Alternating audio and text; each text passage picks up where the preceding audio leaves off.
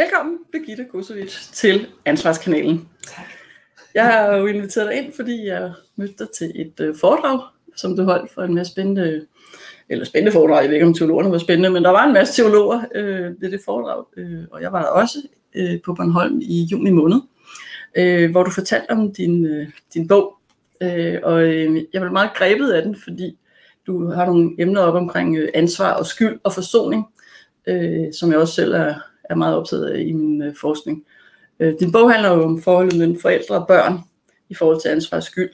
Øh, så det kan være, at vi skal starte med, hvis du vil fortælle øh, lidt om din bog, og hvad, hvad det var, den, ja. hvad den handler om. Ja, det er jo øh, en roman, øh, den hedder Det du ikke vil vide, og øh, altså jeg kalder det for en dokumentarroman, fordi den både den er både en roman, men den er også en erindring og en genfortælling af den familie, som jeg voksede op i. Jeg voksede op øh, i Albertslund i 70'erne og 80'erne med en dansk mor og en jugoslavisk far.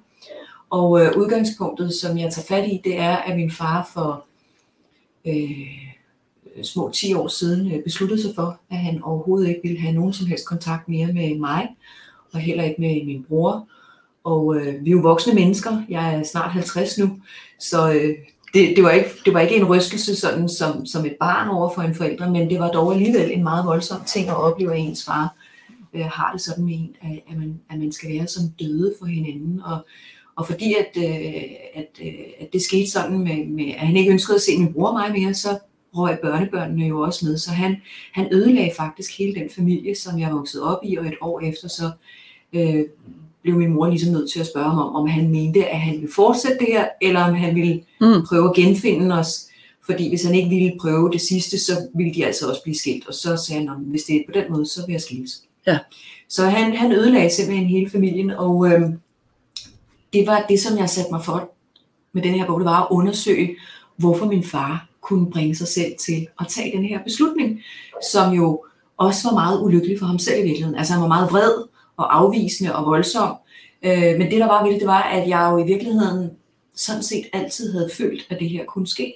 Det var det, der gik op for mig. At jeg altid, siden jeg var, altså lige så længe jeg overhovedet kan huske tilbage, har jeg altid følt, at min far havde en vrede i sig, som var af en karakter, der var helt anderledes end den vrede, som man jo ellers møder os, og også selv kan have. Øh, det var en følelse af noget, som jeg ikke kunne sætte ord på dengang, men som det pludselig gik op for mig, handlede om, at jeg altid havde følt, at han kunne få noget meget forfærdeligt til at ske mellem os. Noget, som jeg ikke vidste, hvad var, ja. men et eller andet, som kunne være fuldstændigt ødelæggende. Og det var jo præcis det, der skete. Og øh, årsagen til, at min far ikke længere ønskede at se os mere, det var i virkeligheden noget, som jo gik meget, meget, meget langt tilbage. Min far, min far kom til Danmark i starten af 70'erne og havde øh, den der klassiske drøm om, at han skulle make it big ja. øh, i Vesten, og han var egentlig på vej til USA, hvor han havde den der klassiske amerikanske onkel, der havde sendt pakker med, med chokolade og, og jeans og tyggegummi og sådan noget. Så det var det, han skulle. Men så var han lige kommet så lidt tilfældigt til Danmark, fordi han havde en ven, der boede heroppe. Og, øh, og så mødte han min mor, og det var altså før den frie abort. Og, øh, ja, så Annette fra Amager? Ja, min mor ja. Annette, ja, fra Amager. Ja. Som jo øh, er vokset op i en helt sådan almindelig familie, ja. og, øh, og øh, altså, vi tænkte jo aldrig på min far som en, der kom dernede fra. Men vi snakkede alligevel altid om ham som en, som, altså, fordi han havde det her meget voldsomme temperament, så sagde min mor jo faktisk tit til os, også til mig. Jeg voksede jo op i den danske folkeskole og, og voksede op med, at man ligesom, altså, man tager hinanden alvorligt ved at indgå i en samtale. En dialog og prøve at finde ja, enighed det, eller uenighed, men ja, i hvert fald taler man. Man taler om det, det, ja. det er at tage hinanden alvorligt. Ikke? Og man råber ikke, alvorligt. eller skriger, eller slår. Nej. Nej. Og det er jo ikke, fordi jeg går ind for, at, at at alle Nej. forældre skal være i samtale med deres børn om, om alt. Altså, der er nogle gange også, hvor forældrene selvfølgelig skal sige, det bliver, som jeg siger det, men, men efterhånden, som jeg blev mere og mere selvstændig, så fik jeg flere og flere problemer med min far. Og det, ja. jeg skulle sige før også, det der gik langt tilbage, det var jo i virkeligheden, at min far, han ville gerne make it big, men han var ikke i stand til at, at blive en stor erhvervsmand i Danmark, og det udviklede sig så til, at det blev mere og mere til ludomani i stedet for. Ja.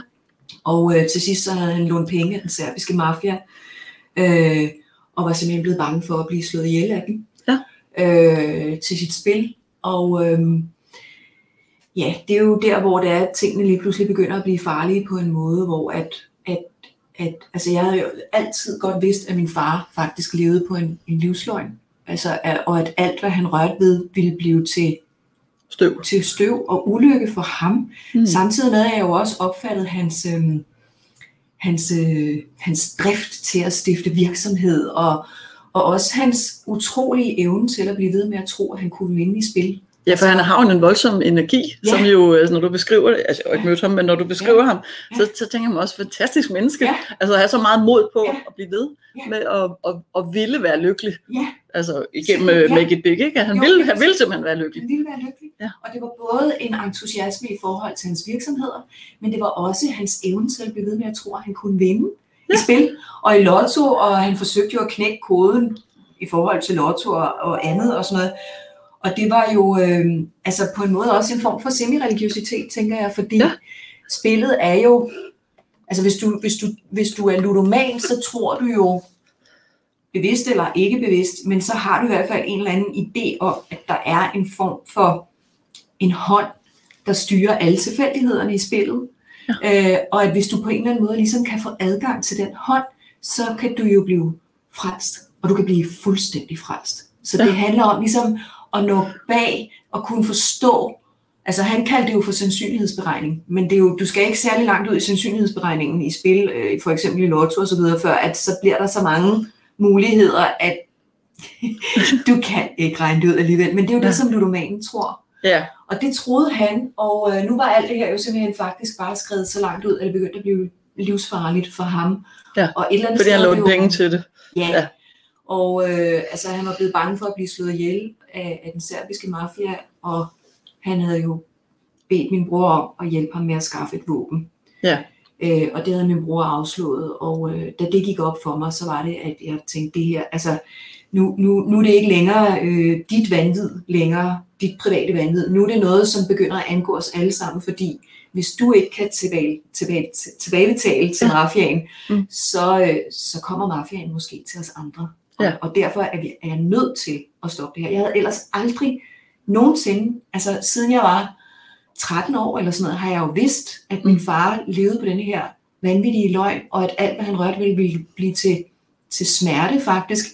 Men samtidig var det også en meget vital kraft i ham, som jeg også på en måde beundrede ham for, Mm, fordi ja. det var så, det var ligesom en naturkraft, eller en, altså livskraften i ham simpelthen.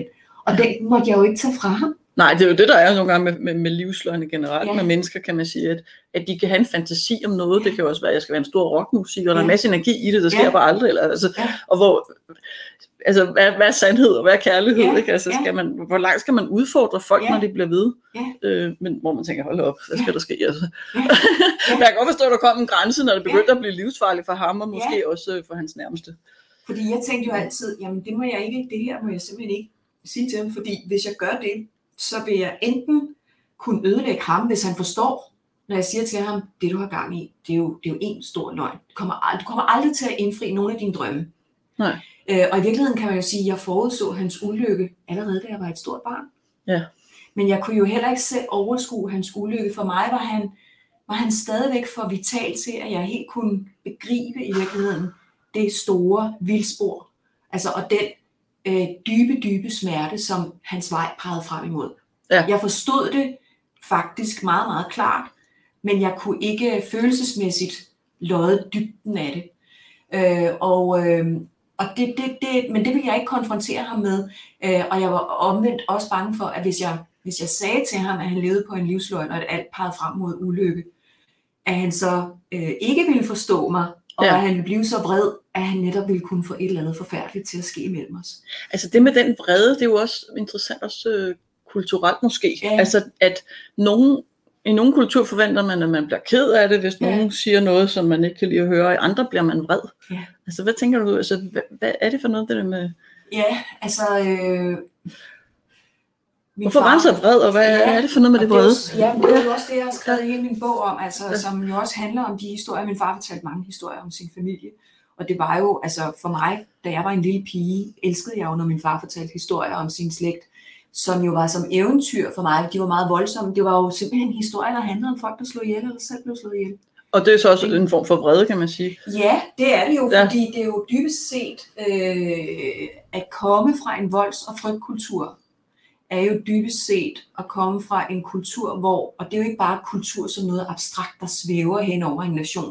Det er jo mennesker, det er jo individu, individuelle mennesker, der er bærere af landets erfaringer og historie. Og det, man forskning nogle gange kalder for logikker, altså som Ja. det, det her er logisk i den her kontekst, Ja, og en anden er det ikke. ja, Men, men det er logisk der. Ja, Altså må og man møde, møde vold med vold. ja.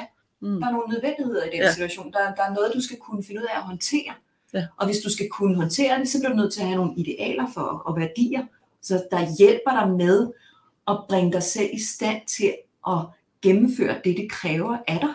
Ja. Øh, vi har jo også nogle værdier her, men vi har ikke de samme nødvendigheder i en demokratisk dansk kontekst. Altså min far han var jo født lige efter 2. verdenskrig. Altså min, min farmor og farfar havde jo overlevet, og, og været, altså de havde jo ja, der er jo slet ikke tid til, at jeg kan fortælle om det her, altså så øh, jeg vil bare sige, øh, læs min bog, jeg har hørt, at den skulle være så fantastisk, ikke? Det er den. Men, øh, tak, men, altså, men det korte af det lange, det er jo, at, at de havde jo oplevet redsler. Altså 2. verdenskrig på Balkan var jo kort sagt lige så uhyggelig og fuld af perfiditeter i, i, i drabsparatheden og, og hadet til de andre, som vi kender til i, i Holocaust. Altså, øh, det var bare lidt mere primitivt udført, men det gjorde det måske endda på nogle måder endnu mere uhyggeligt. Ikke? Og det, det min far, han er født lige efter det. Og selvom han ikke selv har oplevet det, så har han jo vokset op med mennesker, som var dybt præget af de her erfaringer, som jo handler om dybest set, hvordan forholder du dig til fejltagelsen? Altså fejltagelsen som noget, der kan koste den højeste pris for dig selv, eller for dine egne, eller du skal ud i nogle kampe, som, hvor du skal være parat til at tage fra andre, altså tage deres liv, at de skal betale den højeste, pris, den højeste pris. Og der bliver rigtigt og forkert noget, der er meget mere påtrængende, end det er i vores kultur, hvor Ja. du faktisk godt kan tage fejl på mange måder. Du kan tage fejl i forhold til at og, og øh, ikke at få nogen uddannelse, eller få dårlige karakterer, og ikke måske få netop den uddannelse, du gerne ville, men alligevel få Mm. et godt liv, eller du kan være meget syg, eller du kan blive arbejdsløs, men der er stadigvæk et samfund, som, som sørger for, at du ikke dør af sult. Eller og- skilsmisse kan jo også Ja. ja. være, at man, man troede, at det var the one, og, så livet udvikler sig forskelligt, så må man sige, Ja. det var en fejltagelse. Ja. Men den fejltagelse er jo tilladt i vores tid, heldigvis. Ja, ja. Altså, der har altid været fejltagelser, også Ja. i forhold til relationer, men vi Ja. lever i en tid, Ja. hvor skilsmisse heldigvis er muligt, ja, ikke? Så det var et eksempel på det, du siger, Ja. altså sammen med de andre, ikke også? At der er altid en ny mulighed. Ja. Øh, I hvert fald principielt i vores, Ja. øh, Ja. i vores kultur, i den Ja. her danske, øh, nordeuropæiske kultur. Og det er det, der er en meget Ja. stor og virkelig forskel på, på vores kultur, vores demokratiske og velfærdspræget øh, samfund, og så volds- og frygtkulturerne, som jo er ikke demokratier og ikke er velfærdssamfund. Øh, og det, det, det betyder simpelthen, at altså kort sagt, hvis man er konfronteret med nogle bestemte nødvendigheder, så udvikler man også de idealer, som passer til det. Så det vil også sige, faktisk, jeg synes det er interessant, det er helt interessant, men også det her med fejltagelse, fordi jeg, forsker jo det her med ansvars skyld, og nogle gange Mhm. taler folk om at fejle, og, Ja, og folk vil ikke altid tage ansvar for det, der fejler osv., men hvis vi nu siger, at, at man må simpelthen ikke fejle så i en serbisk, i den kultur, han kom fra, Jugoslavien. Ja. Øhm, altså det, det, det, det kan føre til døden at fejle. Ja. Altså, hvad, hvad gør det ved skyld? Altså, gør det, at man har nemmere ved at tage skyld på sig, fordi jeg fejlede, eller er man endnu mere imod, eller altså, man kan Ja. sige relativt til hvad, men altså, ja. hvad, hvad er skyld så? Jamen, øh, to svar vil jeg sige. Altså det ene var jo, øh, hvordan min far så oplevede fejltagelsen, altså i, eller håndterede fejltagelsen som princip i vores familie. Jeg var jo, jeg begik jo fejl over for min far, når jeg ikke bøjede mig for hans autoritet, øh, eller når jeg sagde til ham, at han levede på en løgn, og han, han var ludoman, og Han tog det skulle stoppe nu. Ikke? Mm. Øh, og det håndterede han jo så med den totale afvisning. Han, han, gav, han var et meget ukristeligt menneske i den forstand, at han aldrig nogensinde øh, viste noget omkring det her spørgsmål, Nej. og han bad heller ikke om noget. Han vidste det er jo også godt, en vigtig, øh, Ja. en vigtig ting at betone, fordi man, man skal jo bede om noget, Ja. og tilgivelse for at kunne forsone sig. Ja. Og det havde han, det ville det han ikke. han ikke. Nej.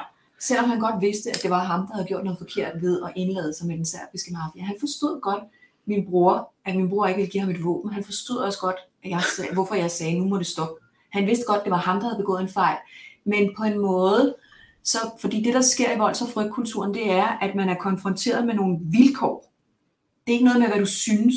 Du er konfronteret med nogle nødvendigheder, der er så hårde, at du ikke som menneske kan tale dig ud af det. Og du kan ikke omfortolke det. Du kan ikke bare omfortolke det. For det, det du er konfronteret med, er for voldsomt og for entydigt. Og vi snakker selvfølgelig ultimativt om døden. Ja. Øh, din egen død, eller andres død. Ja. Din fjendens død, eller, eller din nærmeste død. Din egen død. Ikke? Øh, og, øh, og, og, og, og i den slags kulturer, der bliver roller mere vigtige. Jeg kan huske, du fortalte i dit foredrag, at han, han var opkaldt efter en anden Johan. Johan, ja. Som faktisk ja. også havde taget fejl, for ja. han troede, at det var kunne gå og blive i landsbyen. Ja.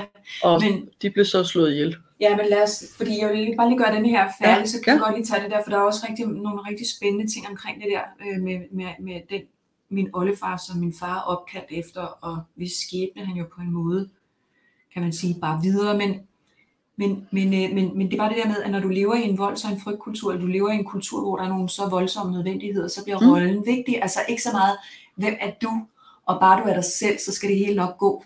Overhovedet ikke. Tværtimod, det er ja. det stik modsatte. Du er konfronteret med noget, der er så voldsomt fjendskab simpelthen, at du skal kunne hente nogle ting frem i dig selv, som vi i vores demokratiske, fredelige, friheds- og fredsorienterede kultur slet ikke har. Altså vi har nogle idealer, som er stik modsatte. Øh, og det er også derfor, at, at mange af de her integrationsspørgsmål, som vi har problemer med, det, det handler, som jeg ser, ser det, virkelig om øh, de idealer, som grundlæggende handler om freds- og friheds- og tillidsidealer, ja. eller idealer til at håndtere øh, fjendskab og håndtere konflikt, konflikt ja. som der jo er i alle samfund. Ja, ja. Men, men, men jo mm. selvfølgelig meget ja, voldsommere. Jamen selvfølgelig, ja, jamen, nemlig det, ja. ikke ja. Men også noget med, med, med, at du faktisk ikke bare skal være dig selv, du skal, du skal kunne tage en rolle på dig. Ja. Og i det øjeblik, at det er nødvendigt, så bliver spørgsmålet for min far, for det var faktisk et stort mysterie for mig. Hvordan kunne det være, at han ikke ville se min bror og mig, selvom han godt vidste, at det var ham, der havde gjort noget forkert. Fordi han havde tabt ansigt? Eller hvad? Fordi han havde tabt ansigt. Ja. Og jeg havde på en måde også forbrudt mig imod det, som jeg vil kalde for systemet af roller. Fordi en ting var, at min far som patriarken havde begået fejl, men jeg begik også den fejl som datter, at jeg sagde det højt. Men altså det her er jo simpelthen spændende på så mange øh, planer, fordi netop i en dansk, og det, det leder os faktisk hen til ledelse for mm. lytteren i forhold til, hvad er det for nogle øh, idealer omkring autoriteter, som vi vokser op med. Ja. Og derfor er din historie så spændende.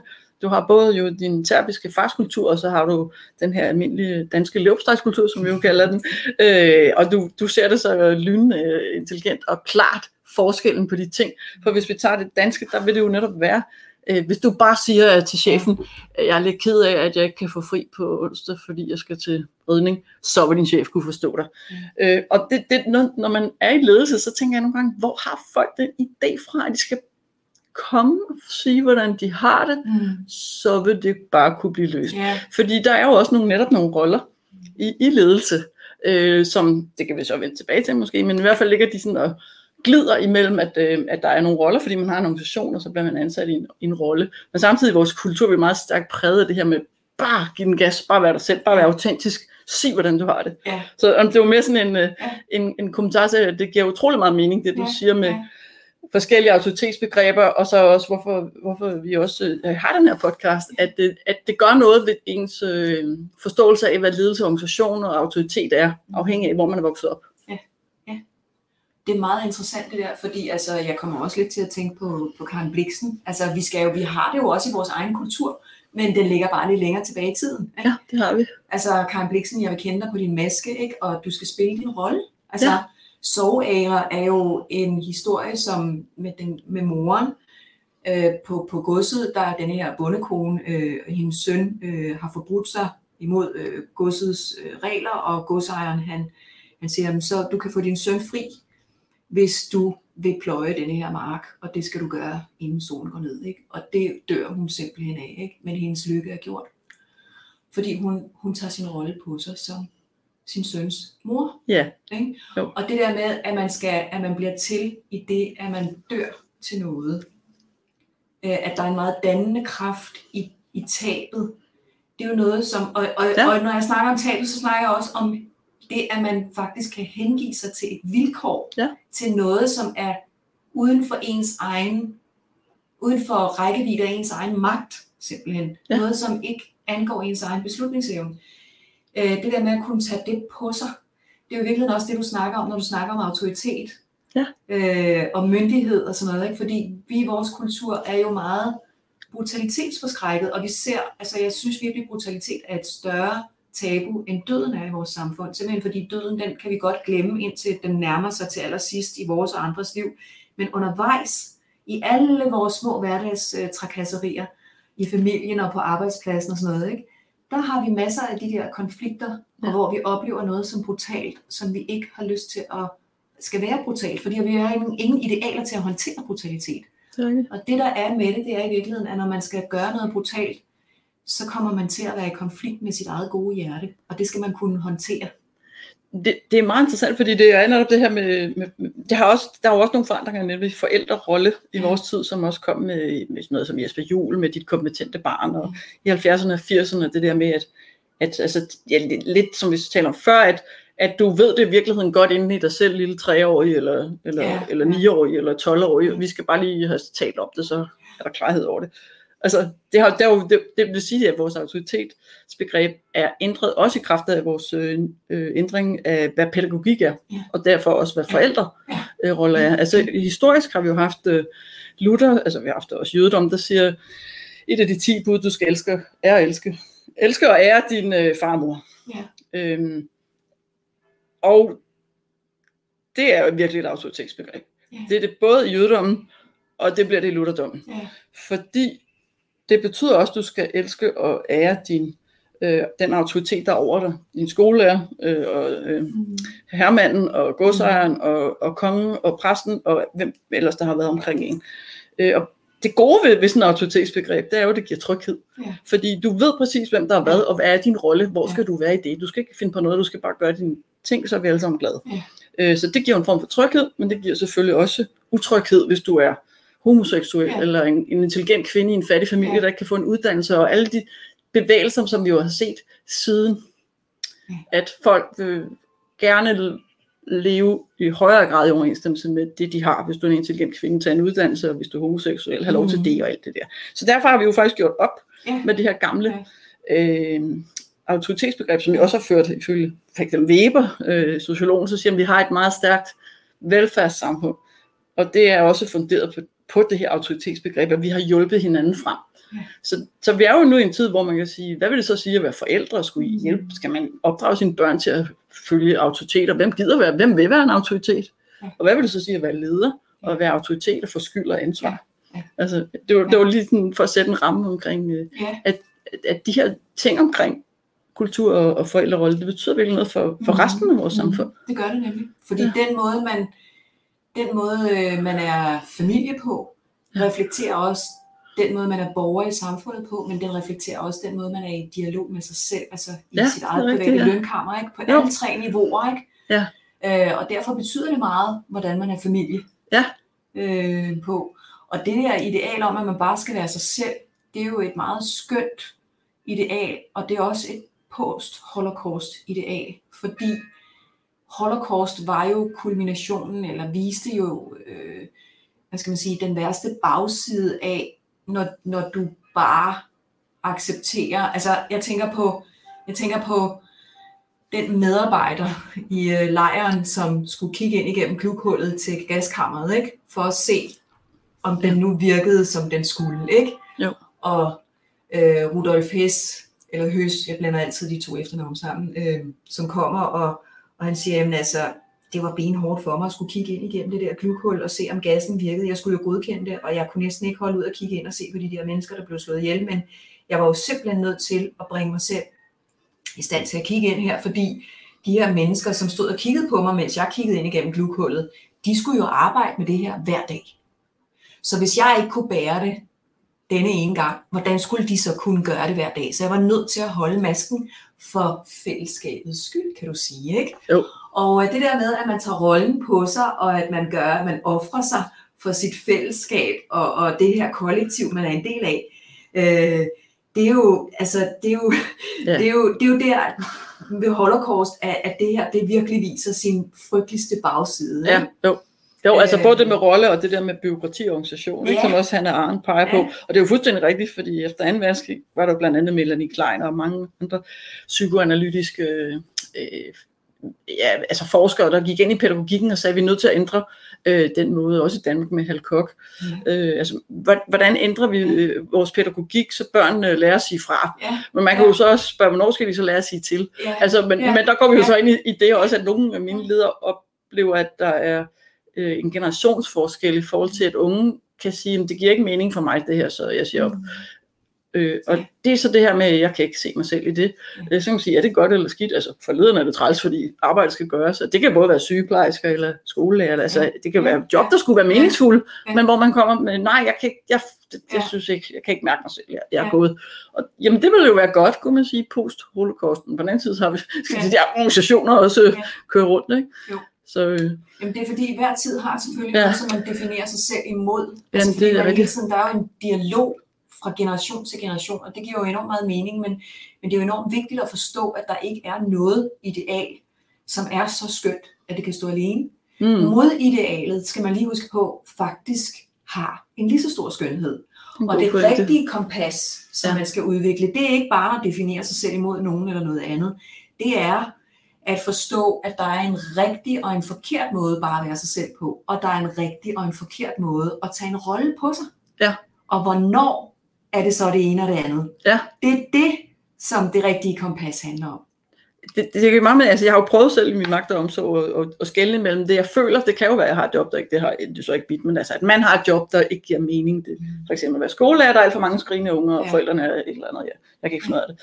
Altså det kan være det rigtige, og så må man sige, jeg siger op. Ja. Men jeg prøver at skelne mellem, hvad føler jeg inde i mig selv, øh, hvad er min professionelle rolle, for der kommer en anden lærer efter mig, Mhm. og principielt skal det her bare gøres. Ja. Og så er det, hvad er det så for en, ja, jeg kalder det så maske, altså man kan tage på, hvordan kan jeg finde en grimasse, der kan passe, Ja, så jeg gør mit job og øh, har et job, ja, fylder din rolle ud. fylder din rolle ud. Ikke? Altså, det, men der kommer vi også lidt ind i, Birgitte, det her med, altså, hvem vil være autoritet? Ikke? Altså, når jeg ser på, på, på ledelse, så er der, det, det er ikke noget, folk kan lide Nej. og vil være. Nej. Altså også nu har jeg forsket jo mange år i det her ansvars skyld. Mm. Og hvis du skal tage skylden, så skal du ligesom kunne sige, ja, det, det var Mm. faktisk mig, der var på Mm. posten. Mm. Det var min organisation, Ja. der, der svigtede, da vi ikke fik sat Ja. det der trafiklys op, Ja. selvom vi vidste, at det var totalt livsfarligt at køre det. Nu er der ikke for femte gang nogen, der er død i, i det her Ja. trafikkryds. Så det var mig, der skulle have gjort det. Ja. Men det oplever jeg simpelthen næsten aldrig. Nej. Er det noget, du sådan har nogle tanker om? Hvorfor er det, folk ikke kan sige, at det var sgu min skyld? Jamen det er fordi, at øh, for at sige det sådan lidt polemisk også, tilgiv mig, men det er jo bare mere moderne at være offer, end det er at være krænker, for nu at sige det på den måde. ikke? ja, det ringer. Der er ikke nogen, der har meldt sig. Nej, der er ikke nogen, der melder sig vel. Og, øh, altså, og problemet er jo, at, at livet og, og også ledelse i virksomheder, og det at være en familie og indgå i kærlighedsrelationer og have venner osv., det er jo ikke altid bare et spørgsmål om, hvad der er rigtigt og forkert, men nogle gange er det ofte er det et spørgsmål om, at, at uanset hvad du gør, så har valget en pris. Mm. Og det er ikke det samme selvfølgelig som uopmærksomhed, som du også ligesom Ja. kan have som en del af svaret på det, du lige nævnte før. Ikke? Hvorfor er der ikke nogen, der, der får repareret, sørget for denne her rundkørsel eller et eller andet andet? Ikke? Ja. At man ligesom bare sådan overser, man har ikke fokus på noget, men deri ligger der jo alligevel også en skyld. Ja, altså, det- det, se det- på det Ødipus, ikke? Han vidste ikke, at han gik i seng med sin mor og slog sin far ihjel. Han, han, han prøvede faktisk på at gå imod den skæbne, der var blevet forudsagt om hans liv. Øh, og alligevel så endte han med at gøre præcis det, som var blevet forudsagt om hans liv. Og på den måde var han jo uskyldig, men han, han tog jo øjnene ud af sit hoved. Alligevel, han tog alligevel det ansvar på sig, fordi det var ikke det, det handlede om, om han havde den intention eller ej. Han havde den stik modsatte intention, og på den måde var han uskyldig. Men handlingen, den kunne han alligevel ikke løsrive sig fra. Det, det, er ansvar. virkelig, det er virkelig godt set, uh? Birgitte. Altså, jeg er jo klassesproglig student, så jeg er jo vild med den måde, du ser Ja. det på. Også i forhold til det der med at sige, jamen det var alligevel mig, der gjorde det. Det var mig, der, der, der, der var chef for Parker Ja. og Vejer Parker. Vi fik ikke sat det trafiklys op, for vi skulle til en masse strategimøder. Øh, og nu bliver det selvfølgelig firkantet. Der er jo masser af gode ledere i det offentlige. Men nogle gange så tænker man, jamen det er jo simpelthen bare øh, en form for dogenskab øh, i forhold, altså når, når ting ikke bliver gjort. Der bliver ikke sat et trafiklys op, for vi gider ikke lige tage den kamp. Øh, vi, vi, vi overgår ikke lige diskutere med, med, med, med, med de forskellige faggrupper, eller med Ja. de politikere, der skal give penge, eller med, med, med budgetudvalg, eller øh, et lille bitte eksempel, man kan tage meget værre eksempler, altså at bør, børnes, børnesvigt er jo er langt mere, eller, ja, selvfølgelig er også alvorligt, hvis der er nogen, bliver kørt ned, men altså, men, men der kan det være det samme. Alle ved det, og ingen, ingen orker lige gøre noget ved det. Altså, efter jeg havde været nogle år i skoleområdet, så var der en, der sagde til mig, jeg, jeg, jeg, jeg, det er fint, du taler om alt det der med børnesager, men du skal vide, vi har jo alle sammen de der sager, og det der, vi lukker der alle sammen øjnene, fordi vi har ikke råd til at fjerne de der børn. Ja. Og jeg sad på stolen og åben mund og polypper. Men har I alle sammen det? her? Det Ja. gør I det? Ja. Vi har ikke råd, sagde hun så. Nej. Og så man sige, det var hendes udsagn. Der vil Ja. være masser, der gør noget i kommuner. Men at det kunne være sådan noget, man kunne sige, vi ved det alle sammen. Altså, at, Ja. at ingen kunne stille sig op og sige, vi ved det alle sammen, vi gør ikke noget, det, var, det, er, jo, det er jo vildt. Ja. Men, men, men, Men det er Birgitte, på en måde også meget ærligt. det er meget ærligt, og det, og det, jamen tak fordi du siger det, øh, Birgitte, fordi jeg har jo også det her med ærlighed. Altså, jeg tænker nogle gange, det er bedre få sagt, Ja. vi har nogle problemer, jeg aner ikke lige nu, hvordan de skal løse men lad, for, lad os få dem på bordet, fordi de håber sig op uden for Ja. døren. Altså, Ja. de, de sker jo alligevel, de der ting, Ja. når man ikke får taget ansvar. Og der er jo også den anden side af det i vores samfund, mm. som jo meget handler om, altså det synes jeg jo tit, når jeg ser mig omkring i de debatter, og det, der bliver, der bliver rejst af spørgsmål og så videre. Ikke nu? Altså her forleden dag, så læste jeg lige en artikel om en kvinde, som var på barsel, som var enormt vred over, at, øh, at hendes mand ikke havde barsel samtidig med hende, fordi det var hårdt for hende at være på barsel med det lille barn. Mm. Så hun ville gerne aflastes. Og det var samfundets skyld. Mm. I stedet for at hun simpelthen bare tænkte det helt omvendt. Hey, jeg har valgt at få et barn. Mm. det, det kræver noget af mig, Ja. og det er hårdt. Og det Ja. er det faktisk for alle, der får børn. Og øh, der er en periode, du altså tænk bare at kunne være hjemme og passe sit barn, at samfundet stiller, giver dig den mulighed. Ja. Ikke? Øh, jamen altså, det, det, det er simpelthen, at man frelægger sig ansvar, og det der med, jamen det er jo ikke min intention, at jeg skulle have det dårligt, så derfor skal jeg ikke have det dårligt. Så det må være nogle andre, der skal redde mig fra at have det dårligt, og opleve det her stress Ja. og ubehag, i stedet for at man tager det på sig. Og der er mange Det er et ting, godt som, eksempel. Ja, På den måde, som man i en dansk kultur tit øh, håndterer det der med Ja. noget, man er vred over. Det er noget Ja. med, at samfundet og nogle andre Ja. med et eller andet skulle have gjort noget. Og det er noget med, at, der, at, at hvis du ikke selv har mm. den intention, at det her skulle gå galt, øh, og der skulle være den her, det her problem eller en pris ved et eller andet valg, så skal du ikke betale prisen, fordi det var ikke din intention, at det skulle være en del af regnskabet. Og der er jo mange ting, altså der er jo begrænsede altså ressourcer i tid og penge og følelser og evner og alt muligt, you name it, som betyder, at vi faktisk ikke kan redde alle de børn, der er derude for eksempel, Mm. fra, fra omsorgssvigt i familierne. Ja. Og øh, som du nævnte før med, Ja. ikke? Og, øh, og, og, og der er bare en del ting, hvor man, hvor man bliver nødt til at erkende, altså, og nu lyder jeg virkelig som et gammelt røvhul, tilgiv mig derude, I som måtte lytte med, altså, men hvor man simpelthen bliver nødt til at erkende, at, øh, at det er et vilkår, der er på spil, og det kan ikke nytte noget, eller det forandrer ikke længere, altså jeg kan ikke tro på, at det forandrer så meget, at jeg har travlt med at sige, hvad jeg synes er for dårligt. Fordi ja. Det er ligegyldigt, om jeg synes det eller ej, fordi det er et spørgsmål om ressourcer. Og hvis jeg vil putte flere ressourcer ind Mm. i det her, så skal jeg tage dem fra noget andet, og den pris skal jeg også være parat til at betale. Så Ja. i sidste ende, så er det noget med, hvordan du håndterer, ikke bare hvad du vælger at prioritere, at med de ressourcer, som du så har, men det er også noget med at have det, som jeg vil kalde for et mentalt beredskab, som både er noget politisk, men også er noget dybt menneskeligt, følelsesmæssigt, emotionelt simpelthen, øh, og som angår ens egen identitet også, altså selvforståelse. Hvordan vil du så håndtere den begrænsning, der er, at du kan ikke, du kan ikke få det hele, Men og det er der er jo- noget, du skal vælge fra, og det har en pris, og den pris, den gør ondt at betale. Hvordan, hvordan vil du håndtere det? det er jo, der er så mange ting, jeg kommer til at tænke på, når du siger det, fordi øh, øh, den begrænsning vil jo også sige, at man skal tage en skyld på sig, Mm. fordi nogle af de ledere, jeg har mødt nu, altså som sagt, børnesager er så illustrative, der kunne være alt muligt andet, men nu tager vi det, men inden for det, så siger de, vi har ikke råd. Mm. Øh, det koster en million mindst om året per barn.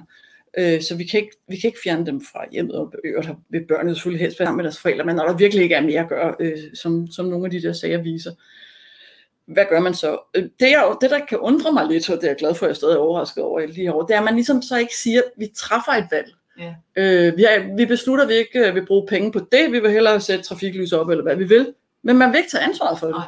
Man, man gør det under hånden, sådan Mm. lidt, op, kan vi ikke Ja. lige, altså nogle, for eksempel Brøndsen, når man møder folk derfra, så siger de, vi vidste godt, vi gjorde ikke noget, øh, og der blev sendt en mail ud, der var også set på Guldborg der blev sendt en mail ud på, kunne man læse om øh, i forhold til handicapområdet, hvor de fik en meddelelse om øh, dem, der sad og, og skulle bevilge. Vi har ikke råd øh, til det. Budgettet kan holde ikke, så jeg kan ikke give folk alt det, de har ret Ja. til. Jamen, så må man også tage ansvar og stå på mål for det. Ja. Og det kan være ved, at, at politikerne siger, jamen, øh, det skal vi. Du er Ja. fyret. Eller at vælgerne siger, det, I har svigtet os, I er ikke genvalgt, I er fyret. Altså, det er nok mere det der luskeri, som ja. er lidt mit problem i forhold til ligesom at sige, øh, vi træffer det her valg, og vi vil stå på mål for det. Ja. Øh, altså, der er også retssikkerhedsspørgsmål ja, selvfølgelig. ja. Ikke? Øh, men jeg kommer også til at tænke på det der, Birgitte, med altså lidelse. Altså, Ja. at for eksempel nu den der kvinde, der siger, jeg, jeg kan ikke holde ud, det er virkelig hårdt at være hjemme med, med et barn. Måske er vi også været ved at tage lidelse på os. Altså i nogle perioder af vores liv, der lider vi. Altså når jeg underviser, så, så er der nogle gange, der siger, jeg forstår simpelthen ikke det der lidelse. Altså mener du ondt i knæet, eller er det mellemørebetændelse, vi taler om, Wow. eller hvad? Ikke? Hvor jeg så siger-. Ja. Hvad for noget lidelse? Og jeg er altid meget ydmyg, når jeg underviser, fordi jeg kan sige en masse ting, men Ja. ja. det er folk, der erfarer det, de erfarer. Så hvis folk siger, jeg ved ikke, hvad lidelse er, jeg aner ikke, hvad du snakker om. Altså på engelsk har man suffering, som jo er et meget mere almindeligt anerkendt ord i en amerikansk kultur. Det, det er faktisk noget, de fleste vil forstå, hvad, hvad er suffering, at vi alle sammen lider, men det kan man ikke tale om i en, i en dansk kultur. Ja. Altså, det var mere en kommentar ind til, til det her, men vi vil simpelthen ikke finde os i, at livet har en pris. Så faktisk min bog, øh, Magt og Omsorg, den har tænkt, at livet koster livet. Ja. Altså ting har en pris, Ja. og nogle gange er det ikke en, vi vil betale, Nej. men vi kan blive tvunget til at betale hvert fald Ja. noget af det. Ikke? Ja. Jamen altså, du siger jo virkelig mange spændende ting, øh, men, men, men det er jo fordi vi, altså jeg tror simpelthen det der, det hænger meget sammen med os, altså Det er på grund af dig, jeg siger spændende ting. Ja, det er jeg ikke sikker på. Det, det, det tror jeg faktisk ikke. Men, øh, men, men, øh, men det er selvfølgelig klart, at når man lever i et samfund, hvor du godt kan tage fejl, uden at det gør så stor en forskel. Jeg siger ikke, det er ligegyldigt, men jeg siger bare, det er ikke alt afgørende. At du kan begå mange fejl i hvert fald, uden at det bliver alt afgørende ikke? Ja. Øh, i vores samfund. Så er det klart, at så, øh, så har vi ikke en kultur, hvor vi lægger særlig stor vægt på rigtigt og forkert, fordi rigtigt og forkert kræver, at der er en konsekvens ved det forkerte. Altså i det øjeblik, at det forkerte har en pris, øh, så, øh, så, så, har, så, så bliver der forskel på rigtigt og forkert. Ja. Men så, når der ikke er så stor forskel på rigtigt og forkert, altså prisen, så er der heller ikke forskel på rigtigt og forkert. Og det er klart, at i sådan en kultur, der vil vi selvfølgelig have ledere, som ikke har lyst til, eller de har slet ikke, altså de har slet ikke, øh, De har ikke, måske heller ikke begrebsapparatet de til har det. simpelthen ikke begrebsapparatet. Nej. Vi har ikke begrebsapparatet til at forstå, et, det er en rolle. Mm. To, du har et ansvar. Du skal tage det ansvar på dig. Det, der er problemet med, med vores kultur, er selvfølgelig, at hvis du ikke føler et personligt ansvar for de børn, eller de mennesker, der dør i det der trafikuheld, øh, trafikløs osv., hvis du ikke føler en forbindelse til det, så opper du dig måske heller ikke. Så leverer du heller ikke lige så, lige så øh, du, du, du er ikke den bedste leder. Men det er essensen af, hvad jeg vil med ledelse. Det er at sige, det, altså, at, at du kan ikke bare sidde og sige, at du flytter rundt på nogle Excel-ark, eller skriver Nej. lidt i noget, noget Word eller noget Office.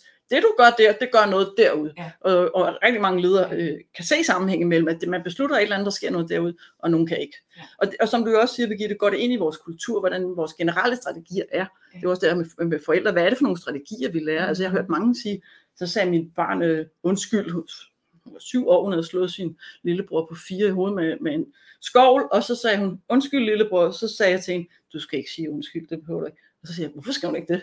Hvorfor? Skal hun ikke sige undskyld?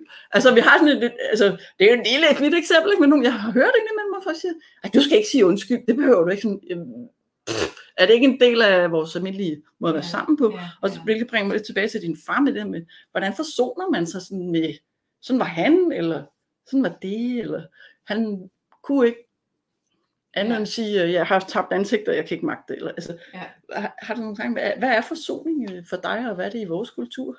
Jamen altså, vi vil, jo, vi vil jo måske meget gerne have tilgivelsen, som jo er den totale, øh, altså så kommer man jo overens. Og måske er tilgivelsen også kun mulig, hvis der netop bliver sagt undskyld. Øh, jeg var meget vred på min far også. Øh, jeg prøvede jo at genoptage forbindelsen med ham. Han døde så her øh, sidste år, øh, selvom han ikke ønskede at have kontakt med os. Og, og, og jeg forstod jo simpelthen ikke, altså jeg kunne simpelthen ikke sådan, altså jeg var nærmest en lille pige, der ikke forstod, jeg forstod ikke, at han ikke ville se os. Altså jeg kunne ikke forstå, jeg kunne ikke forstå det, og jeg kunne ikke forstå, hvorfor han ikke ville se os, når han nu øh, havde det så smertefuldt selv med det, og han vidste, hvad han gjorde ved os andre, og, og han vidste, at det var ham, der havde begået fejlen. Hvorfor kunne han ikke bare sige undskyld og ringe og sige, kommer du ikke, og så må vi komme videre. Øh, men jeg vil sige, jeg har, altså forsoning er jo til forskel fra, jeg føler faktisk, Jeg føler måske faktisk, at jeg har tilgivet ham nu. Øh, men, men jeg synes, der er forskel på tilgivelse og forsoning på den måde, at tilgivelsen det er meget mere fredfyldt. Forsoning, der er der ligesom en uro, som handler om, at du, du kan ikke få ro med det, der er sket. Mm. Øh, og du kan ikke få ro med den, der har gjort det, men du kan godt, du kan godt slutte fred, men du kan ikke føle din indre ro med det. Så på den måde er der ligesom en forskel på den, du er, og den rolle, du på en eller anden måde må tage på dig, fordi vilkåret dikterer det nu engang. Hey, det der er sket, er sket. Det kan du ikke lave op på. Mm. Det skal du leve med. Det skal du blive ved med at leve med.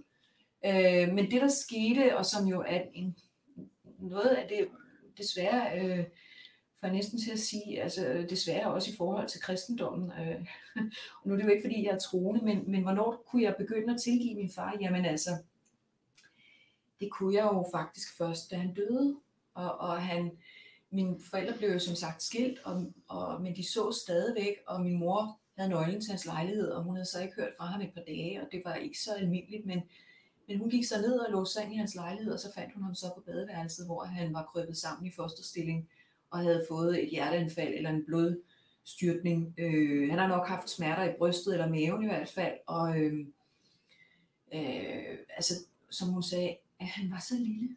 Ikke? Ja. Og det der med, at han var krøbet helt sammen som, på samme måde, som han var kommet ind i livet. Ikke? Det Ja. der store menneske, som jeg jo også på mange måder var bange for, eller øh, gjorde mig, øh, øh, forstyrrede mit følelsesliv simpelthen, faktisk. ikke Med sin uro og vrede, og, og, og, og at jeg på en eller anden måde aldrig rigtig holdt op med at være bange for ham. Altså, det er jo en barnlighed, som de fleste af os godt kender til i forhold Ja. til vores forældre jo, ikke? Mm. Men han var så også virkelig voldsom i sit temperament, men, og, sådan, og uforudsigelighed. Øh, men, men det der med, at han faktisk skulle dø, og jeg skulle se ham i hans ultimative lidenhed, før at jeg faktisk kunne, altså at den gave, det i virkeligheden var for mig, at han døde, øh, gjorde, at jeg bedre kunne, jeg, jeg, der fulgte en lang periode bagefter, altså jeg havde 3-4 måneder bagefter, hvor at jeg var meget vred på ham, og,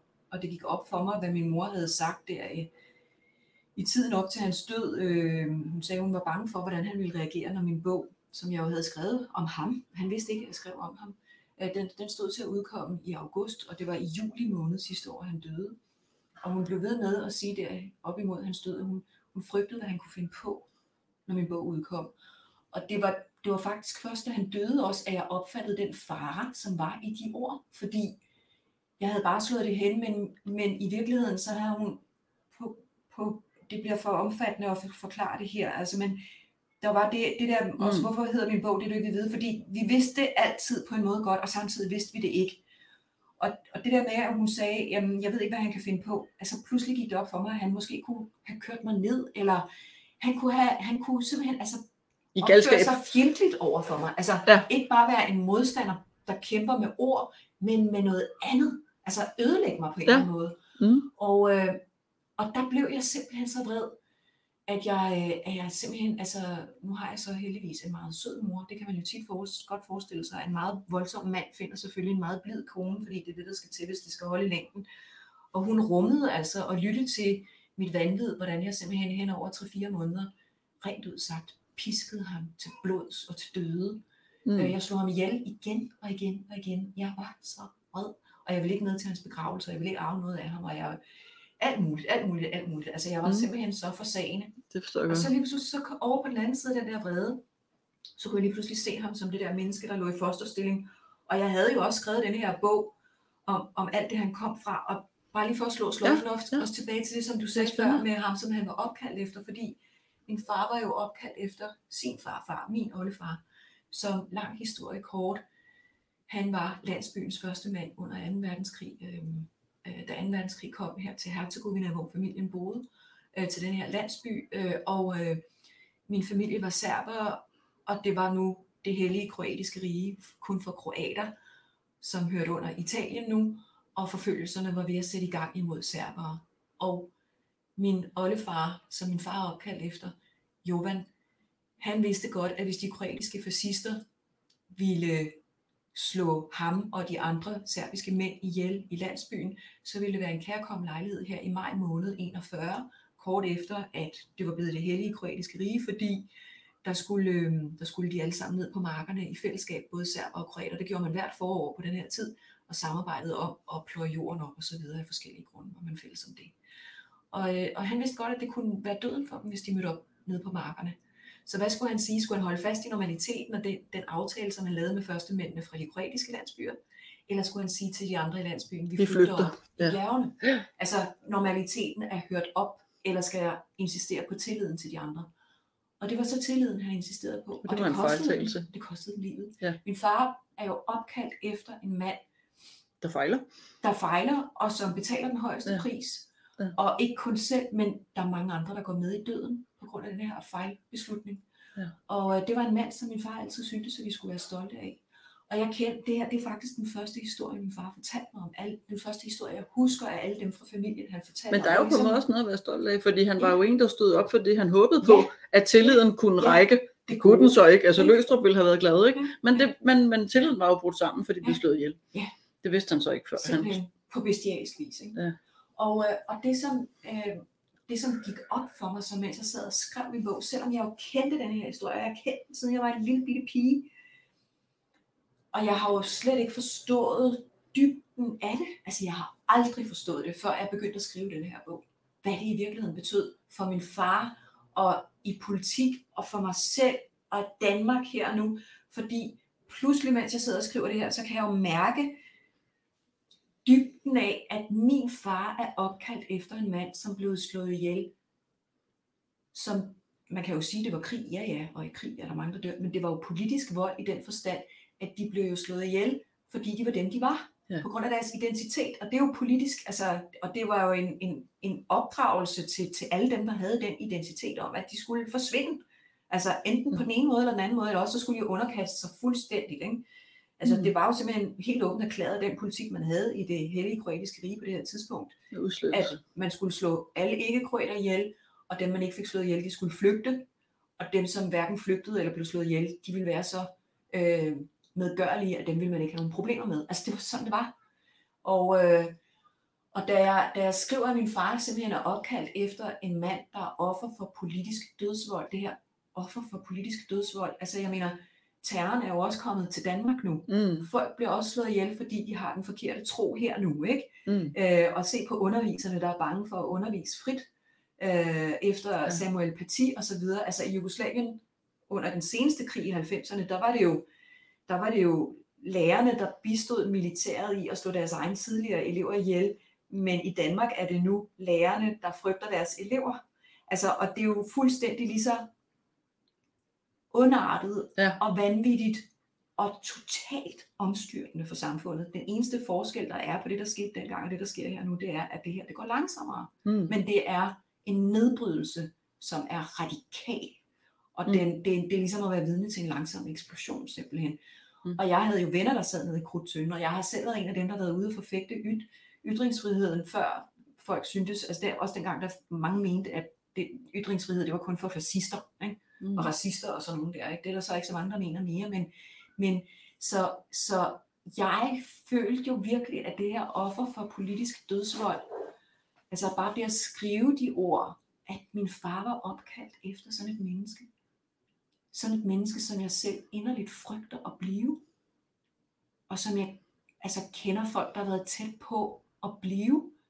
Øh, og som jeg er bange for alt det, som det gør ved vores samfund her og nu. Jeg har jo altid syntes, at jo mere jeg kom i berøring med Jugoslavien,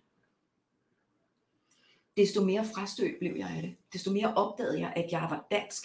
Men mm. pludselig opdagede jeg, at alt det, som min far kom fra, og som jeg ikke kunne udstå, eller som var så svært ved ham, og som har præget ham, var ting, der var sket for øjnene af mig selv, og som stillede spørgsmål til mig selv om, hvad, lige præcis om mm. autoritet. Hvad vil du? Hvad vil du? Ja. Vil du den ene eller den anden vej? Fordi uanset om du går den ene vej eller den anden vej, altså i forhold til at begrænse friheden eller holde fast i friheden, så har det altså en pris. Ja. Og den pris skal du kunne betale, og du skal vide, at du kan bære det som, som både i, som det politiske menneske, du er i dit samfund, men også som, som, som det følende menneske, du er.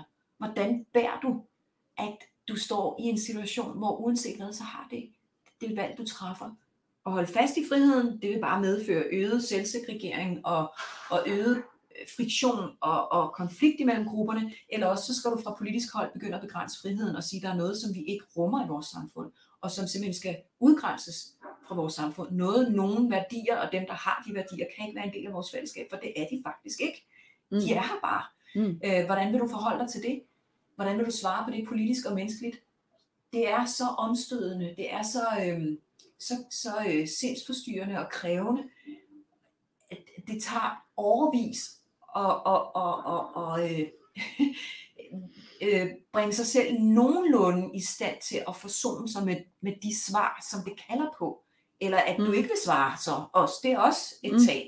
Ja. Øh, det er også, det, altså, som forsker oplever man jo også det der med, jeg har jo mange kolleger, der ikke vil være i de, jeg ser lige dem ind imellem, men det er meget hårdt, fordi man får trusler og bliver angrebet og øh, oplever, kan opleve meget ubehagelige ting, når man står frem øh, og siger, at forskningen viser, eller ja. her er et problem med det og det.